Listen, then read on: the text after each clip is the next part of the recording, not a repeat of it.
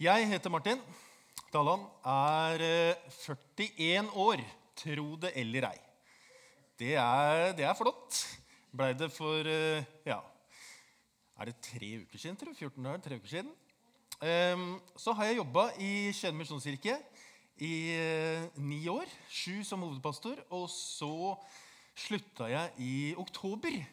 For da eh, begynte jeg i en stiftelse som heter Skjærgårds, som kanskje noen av dere har hørt om. Vi driver litt sånn festivaler, konserter og eventer og leirer litt sånn rundt i Norge. Så har vi en stor festival i Sverige.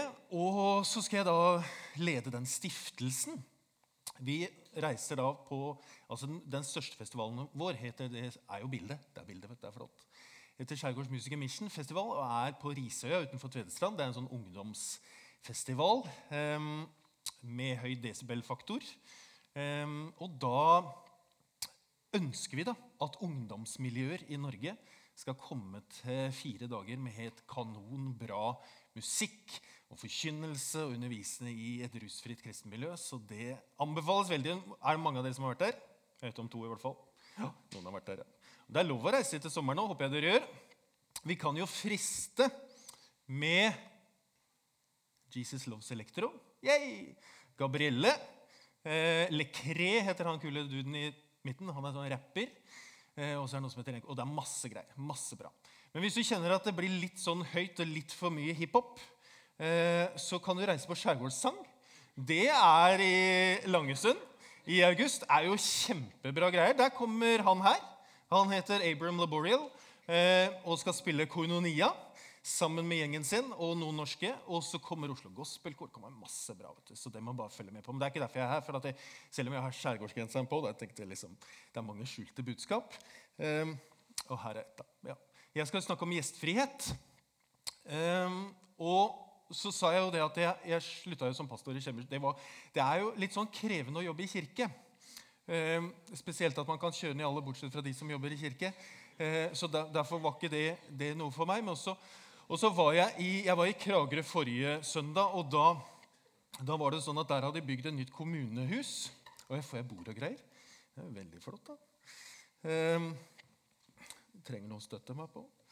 Ja, det er bra. Bare pass på at det ikke går på ledningene. Jeg var i Kragerø.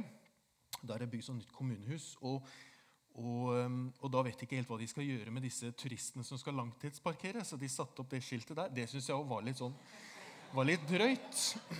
Men, eh, men eh, sånn er det. Ja, så hjertelig velkommen til, til turiststedet. Det blir bra. Um, men gjestfrihet er jo yay! ikke sant? Vi skal, oh, Det er vi kjempeglad for. at du var glad du valgte det temaet i dag. For det har vi jo alle overskudd til.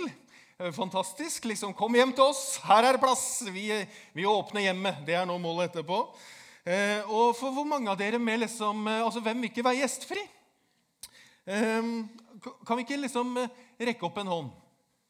Nå har jeg skrevet i manus ganske mange av oss, så da, da rekker vi alle opp en sånn Vi vil være gjestfri. Ikke sant? Kjempebra. Ganske mange av oss. Det er jo sånn at Vi har vært gjennom to år med pandemi. Og det har jo vært eh, eh spesielt. Minimal sosial interaksjon, for å si det på fint. Altså, Vi har jo ikke hatt noen hjemme. Hvis jeg har bodd alene, så har det jo bare vært meg. Eh, har, vært, har, jeg familie, så har det vært oss. Kjernen, familien, oss hjemme. Vi har jo ikke hatt lov til å ha folk på besøk. Og Noen av oss har jo syntes det har vært utrolig deilig å slippe det. Eh, og, og, på en måte sluppet liksom med det. Men nå er jo på en måte pandemien over. Vi har kanskje pussa opp, og vi må kanskje tenke litt mer på hvordan det er hjemme. da. Vi lengter jo etter å åpne hjemmene våre. Gjør vi ikke det? Jo, og så lurer, har jeg lurt på en ting. Nå var jo alle veldig ivrige opp med hånda og tenkte yes, vi elsker å være gjestfri. Det, men det er jo noe vi sier vi er. Veldig mange, i hvert fall. Og så har jeg lurt på hvorfor er vi ikke mer gjestfrie? Altså, For at det, i teorien så er jeg veldig gjestfri. Ja, ja, ja. Bare kom til oss. Her er det dans og sang, og alle er velkommen hit til meg. Men hvis man skal være ærlig, og Eirik har sagt det, skal være ærlig i Porsgrunn misjonskirke I praksis Hvor gjestfri er vi egentlig? Og da er jo spørsmålet hva er det som hindrer at vi ikke liksom får det til, eller ikke vi er det liksom ikke i praksis. Hva er det som hindrer det? Det kan jo handle om mange ting. Det kan handle om at vi har ikke tid. Vi har så masse å gjøre. Vi har jo ikke tid til det, at noen kommer inn til oss, eller tidsklemme, liksom. Det kan jo handle om at vi har det rotete og tenker at, at her kan ikke noen komme. Altså, når jeg jobba som pastor, så var jeg hjemme hos eh, en del for sånn til kontroll. Eh, I forbindelse med barnevelsignelse og barnedåp og sånt. Og da, da, lurte jeg på, når jeg kom dit, så tenkte jeg skal dere ha visning? Det var jo så flott der. Det var jo ikke et støvfnugg i hjørnet. Og så tenkte jeg, Hvis du kommer hjem til meg, så er det jo støv overalt. Det er jo masse rot. Jeg sier til når noen kommer hjem til oss, Jeg har ikke rydda før jeg kom, og det hadde jeg ikke tenkt å gjøre heller, for vi har jo sånn brukshus. Men hva handler det om? At vi syns det er så vanskelig å invitere folk hjem. Det, jo, det er bilde av en som tar selfie der. Um, og det kan hende, og det er litt sånn stygt å si, men det kan jo hende at vi har egentlig bare nok med oss selv. Rett og slett. Det er jo ikke pent å si. Jeg, vi, jeg har nok med oss. Av og til i perioder i livet så har vi faktisk nok med oss selv, og det er helt greit. Men jeg tenker hvis vi har nok med oss selv hele livet, da tror jeg det handler om noe annet. Det kan hende at du ikke blir så mye klokere i løpet av den, de 20 minuttene jeg skal snakke nå, men det er helt greit.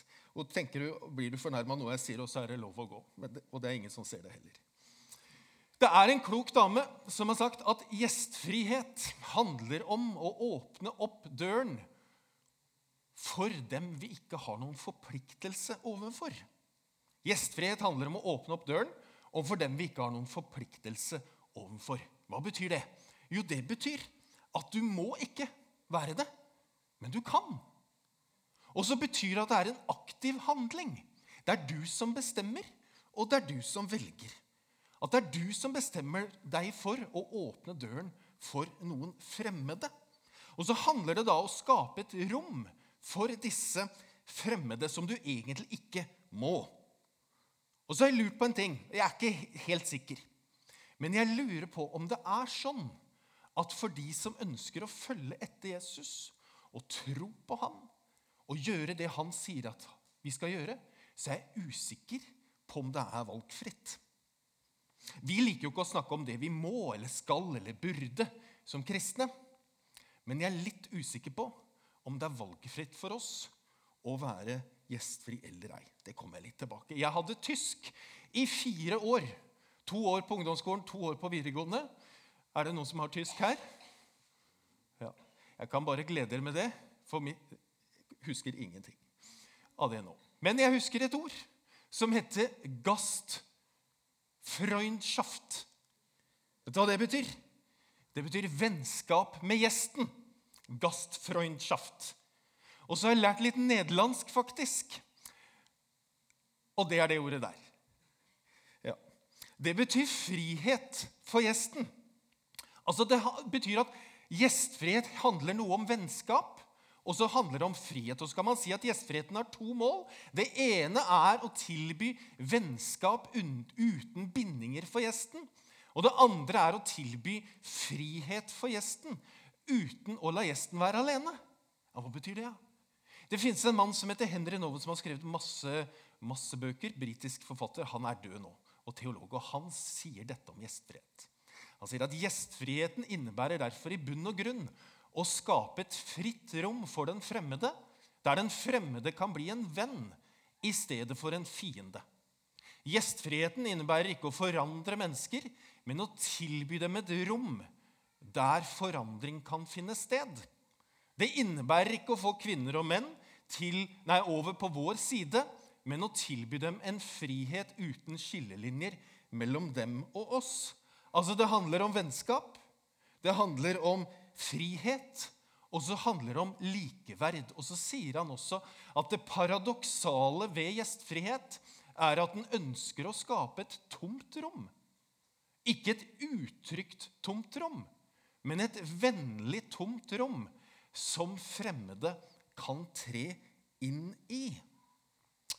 Når jeg skal snakke om gjestfrihet i en kirke, så kommer jeg ikke utenom å snakke om to eh, tekster fra Det nye testamentet. En fra romerbrevet og en fra hebreerbrevet. Og det skal vi gjøre nå. Men før jeg sier noe om det, så når Paulus skriver romerbrevet Det er jo langt. Han sier at han skal oppsummere den kristne tro og så er det 16 kapitler. så han bruker jo litt, litt plass til å oppsummere. Men da skriver han om rettferdiggjørelse. Og det er et fint ord som betyr at vi som tror på Jesus, er blitt rettferdiggjort ved tro. At vi tror at det Jesus gjorde for oss på Golgata, på korset, at det var nok.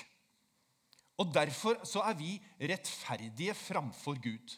Og så er det Jesus som har gjort det, og derfor rettferdiggjørelse. Og denne troen den gir oss noen ting. Den gir oss masse, men bl.a. så gir den oss disse tre. Det ene er at den gir oss en identitet som Guds barn, hvor vi er kalt til å følge etter Jesus. Det andre er at denne troen den gir oss en tilhørighet til et fellesskap. Både her i Porsgrunn misjonskirke, men også til Kirken gjennom alle tider. Vi får en identitet og en ny tilhørighet til et større fellesskap. Og så gir det oss også et oppdrag. Altså, Jesus inviterer oss inn i en deltakelse i hans oppdrag fordi vi er hans kropp. Og så er jo troen gitt oss i gave, så det betyr at du kan ikke gjøre noen ting verken til eller fra for at Gud skal elske deg verken mer eller mindre. Det er konstant. Alt er i orden. Det er det som er i rettferdiggjørelsen. Men så stopper det jo ikke der. Det fortsetter. Fordi troen betyr at vi også blir kobla på Guds interesser i verden. Og så er jo spørsmålet hva er det? Og det andre er jo hvordan forholder vi oss til det? Eller hva gjør vi med det? Hva gjør vi med det? For det er jo det å gjøre som utgjør hele forskjellen. Fordi du kan jo høre mange ting. Men hvis du aldri gjør noe med det du hører, hva spiller det da egentlig for rolle hva du har hørt? Så hva skal vi gjøre? Vi som tror, hva innebærer det kristne livet? Det skriver Paulus om i Romerbrevet 12. Vi skal lese det. Derfor formaner jeg dere ved Guds barmhjertighet, søsken, bær kroppen fram som et levende og hellig offer til glede for Gud. Vi skal gjøre noe med kroppen vår. Gud har gitt oss en kropp som vi skal bruke til noe. Hva da? Jo, vi skal bære den fram som et levende og hellig offer til glede for Gud. Det skal være deres åndelige gudstjeneste. Innred dere ikke etter den, innrett dere ikke etter den nåværende verden, men la dere forvandle ved at sinnet fornyes, så dere kan dømme om hva som er Guds vilje. Det gode, det som er til glede for Gud, det fullkomne. Legger du merke til at det står 'la dere forvandle'? Det står ikke 'forvandle deg'. Men det betyr at det er noe som skjer på innsiden, hvor vi tillater at det skjer en forvandling. Hvor vi sier det er greit, fordi jeg ønsker å følge deg, Jesus. Så derfor lar jeg deg forvandle meg. Og ved at sinnet fornyes, og hva er sinnet vårt? Jo, det er tankene våre, det er hodet vårt. Noen vil si at det er hjertet vårt. Ved at sinnet fornyes. Og da kan vi dømme etter hva som er Guds vilje, og det er det gode. Og så sier han, 'Den som gir av sitt eget' Dette er til deg som tror. Den som gir av sitt eget, skal gjøre det uten baktanker. Den som er satt til å lede, skal gjøre det med iver. Den som viser barmhjertighet, skal gjøre det med glede. La kjærligheten være falsk. La kjærligheten være oppriktig. Avsky det onde, hold dere til det gode, elsk hverandre inderlig som søsken og sett de andre høyere enn dere selv. Og så fortsetter han med Vær med og hjelp de hellige som lider nød, og legg vind på gjestfrihet. Det er ordet vårt, og der har du et bilde av han som sitter og skriver. Veldig heldig som fikk det bildet. Du vet at gjestfriheten har preget den kristne kirke gjennom alle tider. Og så følger det med en belønning eller en mulighet eller en konsekvens, om du vil.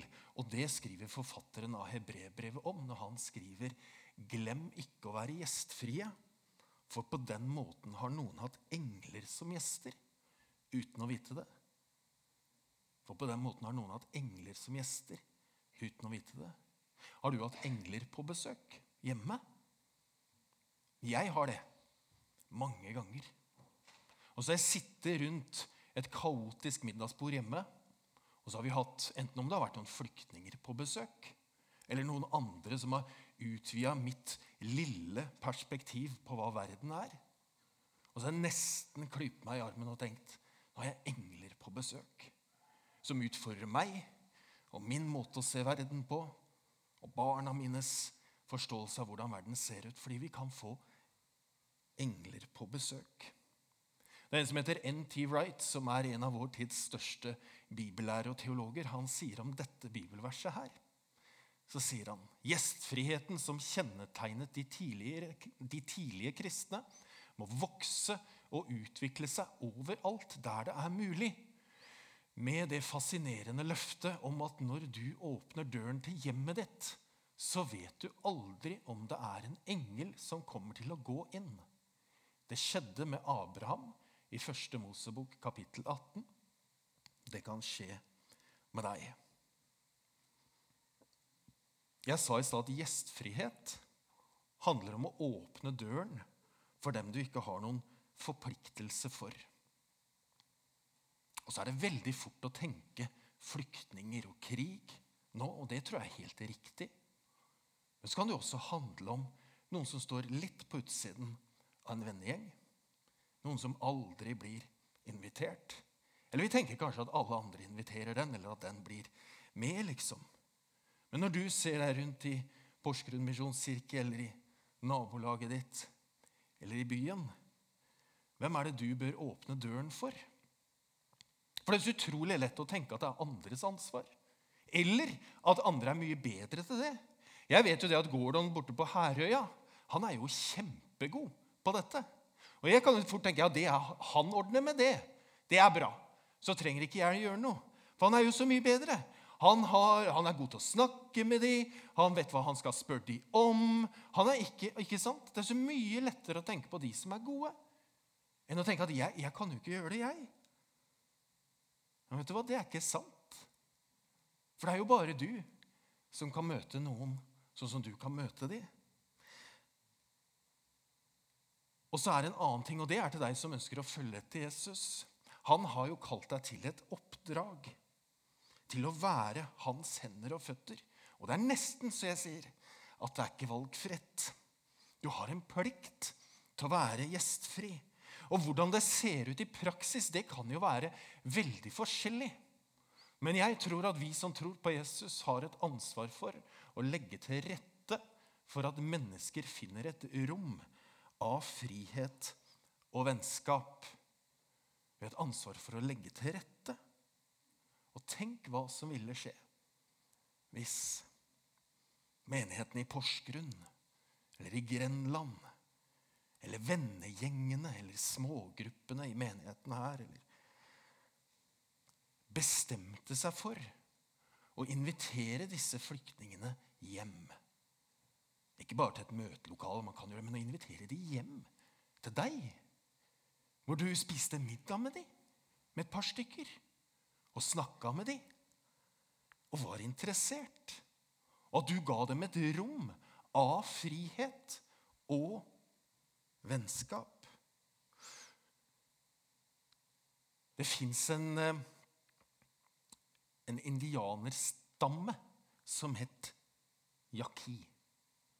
Um, og der var det en indianer som het Don Juan. Tenk på det. Det er ikke han du tenkte på nå.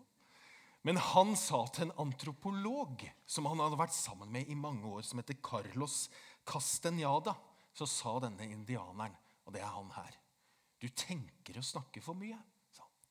Du må slutte å snakke med deg selv. Hva var det han mente? Jo, han mente at vi opprettholder, vi i Vesten, vår verden gjennom indre snakk. Og at vi snakker med oss selv helt til alt er som det skal være. Og så gjentar vi de indre valgene våre igjen og igjen og følger alltid det gamle mønsteret. Jeg senser at han var litt oppgitt.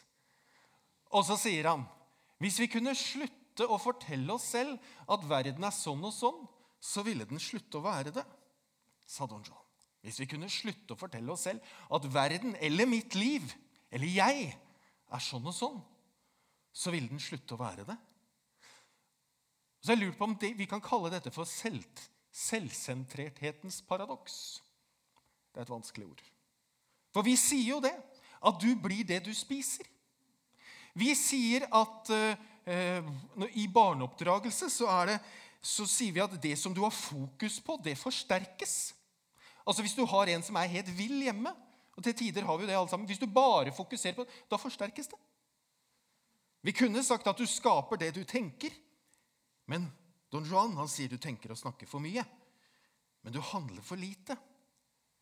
Og så syns jeg at jeg har lest at Jesus en gang sa at våre bekymringer eller våre tanker eller vår grubling eller vår fundering eller våre avveininger hindrer oss i å se at det nye riket vokser frem.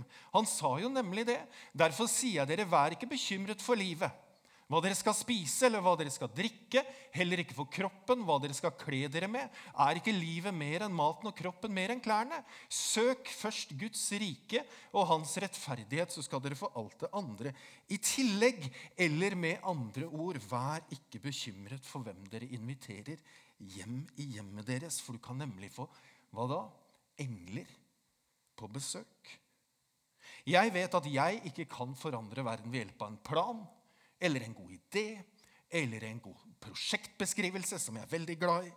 Jeg kan ikke engang forandre verden ved å gi gode råd eller fortelle gode historier eller referere til ting. Det jeg kan, det er å forvandle hjertet mitt, eller la mitt hjerte forvandles. Og da kan jeg be Herre, skje din vilje i mitt liv. Gjør som du vil. La ditt rike komme i mitt indre og i Porsgrunn misjonskirke. Gjør meg og oss til et redskap for ditt rike og for din fred. La meg og oss ha et åpent og gjestfritt hjem, ikke primært for at vi skal få engler på besøk, men for at jeg skal gjøre din gjerning, som er å elske min neste, åpne mitt hjem og være dine hender og føtter. Og så vet du det, at dette er ikke noe soloprosjekt. Det er jo derfor vi er sammen som kirke. Og det er derfor vi kan gå sammen mange. For av og til så må vi stille oss litt på siden og legge til rette.